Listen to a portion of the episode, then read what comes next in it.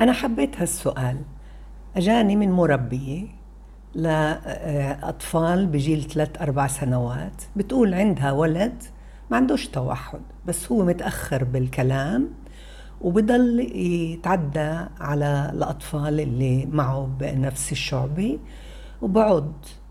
ووجهت أنا الأهل للعلاج عن طريق النطق وطاعوها وعمالهم بواظبوا وبداوموا على العلاج.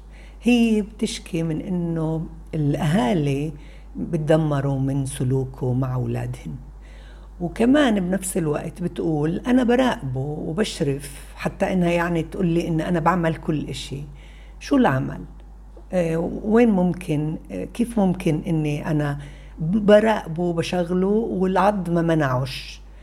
وكيف أعمل أنا؟ فيش حل.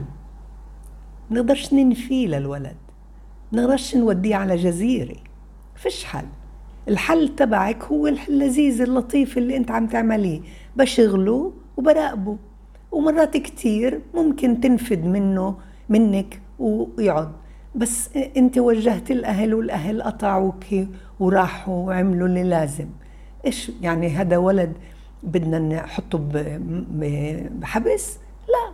بده يتكيف يوم ورا يوم مع البيئة المحيطة.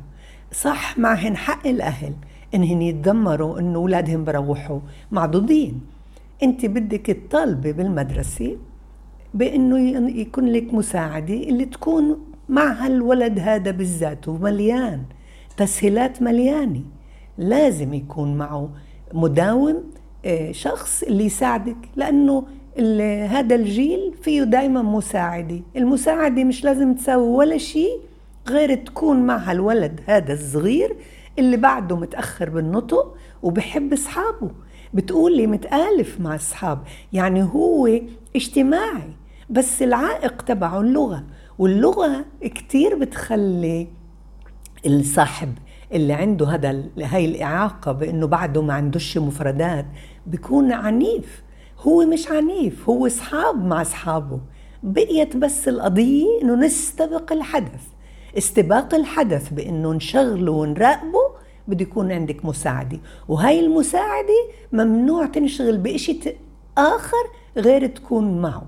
وهيك إحنا منكون عملنا واجبنا نحو هذا الطفل وما خليناهوش محبوس بمحل أو وديناه على محل اللي مش ملائم له هذا هو محله الملائم.